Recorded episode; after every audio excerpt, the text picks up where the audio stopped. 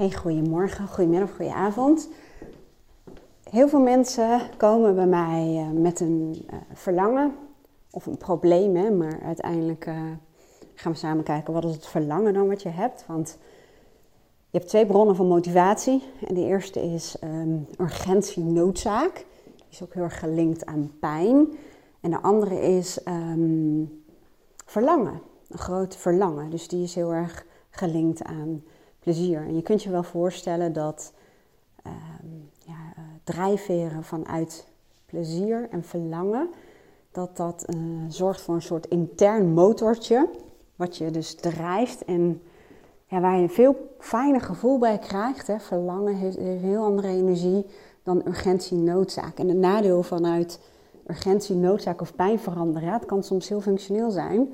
Maar wat je vaak ziet is dat iemand in de vluchtmodus komt. Hè. Bijvoorbeeld als het op het werk onhoudbaar wordt. Um, dan moet bijvoorbeeld een persoon, ja, die wil zo snel mogelijk weg.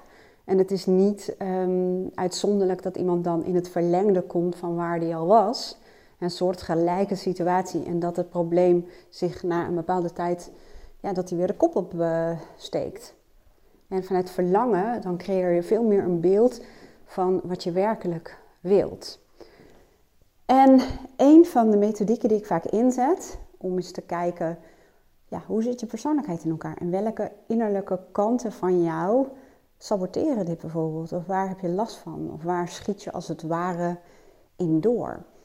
En in de voice dialogue methodiek, hè, die ik gebruik, en daar ga ik nu niet heel erg diep op in, maar dat gaat ervan uit dat je verschillende kanten in jezelf hebt. Um, in de voice dialogue gaan we heel vaak uit van een polariteit, een verstoten deel en een primair deel. Een primair deel is het deel um, ja, wat heel duidelijk aanwezig is bij jou in je persoonlijkheid. En het verstoten deel is vaak het tegenovergestelde. Dus stel dat iemand heel perfectionistisch is of een pleaser, dat is eentje die heel veel voorkomt, dan is de polariteit de gezonde egoïst. En dat is een term die um, ik uiteindelijk zelf gebruikt heb, omdat um, die heel veel naar voren kwam in mijn uh, sessies. Want je zou kunnen zeggen dat ten opzichte van de uh, pleaser een egoïst staat. Maar het grappige is dat ik um, bij heel veel mensen, en vooral vrouwen, dat is dan wel weer heel grappig, wat niks zegt, hè, want uh, daarvoor is natuurlijk mijn bereik te klein om dat een onderzoek te noemen. Maar um, veel vrouwen zeiden, ja, egoïst, dat wil ik ook niet zijn. Terwijl het heel vaak wel goed is om daar eens mee aan de slag te gaan. Um, maar gezonde egoïst en daarmee werken in het dagelijks leven, ja, dat, daar, daar hebben heel veel mensen wel een fijn gevoel bij. En ook vaak wat duidelijker dan bijvoorbeeld een assertieve kant. Want dat is echt zo'n containerbegrip om het zo te zeggen. Alleen, wat ik ook heb gemerkt, um, ik werk wel heel erg met die polariteiten, dat sowieso.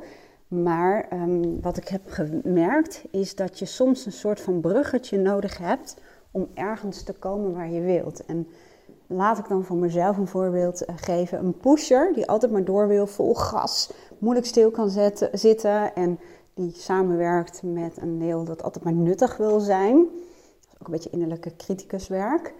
Um, dat, dat, daar, daar zit zoveel ja, energie op, moet ik zeggen dat als je de tegenovergestelde kant, ik noem het de zijnskant, de kant die heel zintuigelijk is, die heel erg in het hier en nu is, um, die is.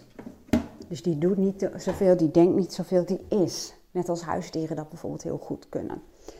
Maar je kunt je voorstellen dat het soms een te grote stap is van die pusher-energie naar, um, nou ja, als het ware, het niks doen en denken, uh, om daar naartoe te gaan.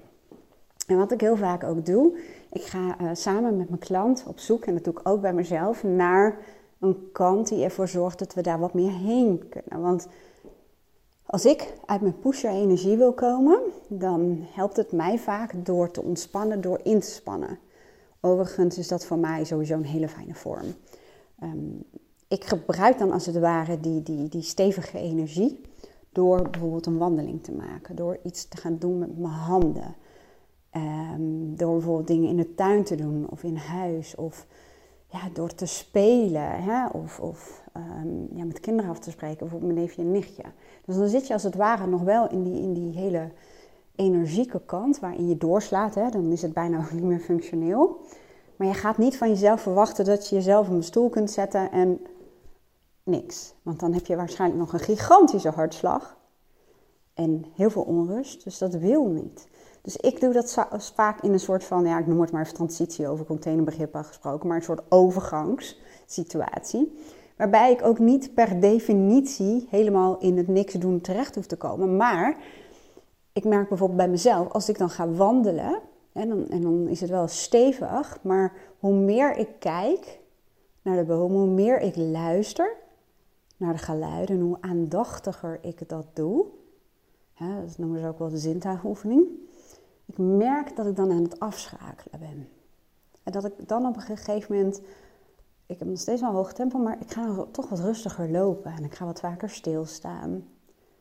En dan ben ik er echt weer.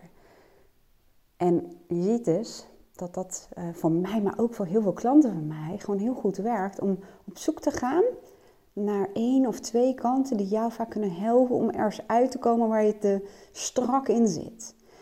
En um, wat ook een mooie kant is die ik veel bij mensen het voorschijn zie komen, en die hebben allemaal soorten labels, maar twee labels die vaak het meest tot de verbeelding spreken zijn de fuck it kant, hè, van ach, fuck het allemaal en uh, het zal ook allemaal wel, ik ga gewoon doen wat ik wil. Of de scheid aan dingen kant, van oké, dan is het maar niet zo netjes, of dan voldoet het maar niet aan dat. En dat kan heel erg goed helpen. Maar ook een humorkant. Humor, hè, als je er meer vanuit humor naar kijkt, naar een bepaalde situatie, kan ook al ongelooflijk helpen. Nou, ik moet stoppen met de podcast, want mijn klant uh, komt eraan. Als je zegt van, ik wil heel graag hiermee werken. Um, en ik wil dat op korte termijn. Ik wil, er gewoon, ik wil er gewoon zelf ook mee aan de slag. Ik wil zelf ook um, weten hoe kom ik uit die pleaser kant. Of uit het perfectionisme. Of uit die pusher. Of ja, hoe kom ik uit dat continu zelfkritische, hè, de innerlijke criticus, hoe kom ik daar nou uit? Ik heb ook een programma gemaakt en um, die is al door heel veel mensen gedaan. En iedereen zegt dat het een verrijking is in het leven en hadden ze het maar eerder geweten. En dat is heel erg gebaseerd op de methodiek Voice Dialogue. Ik zet wel even het linkje hieronder voor je neer. En ik wil je weer bedanken voor het luisteren. En ik wens je een hele mooie dag. Doei!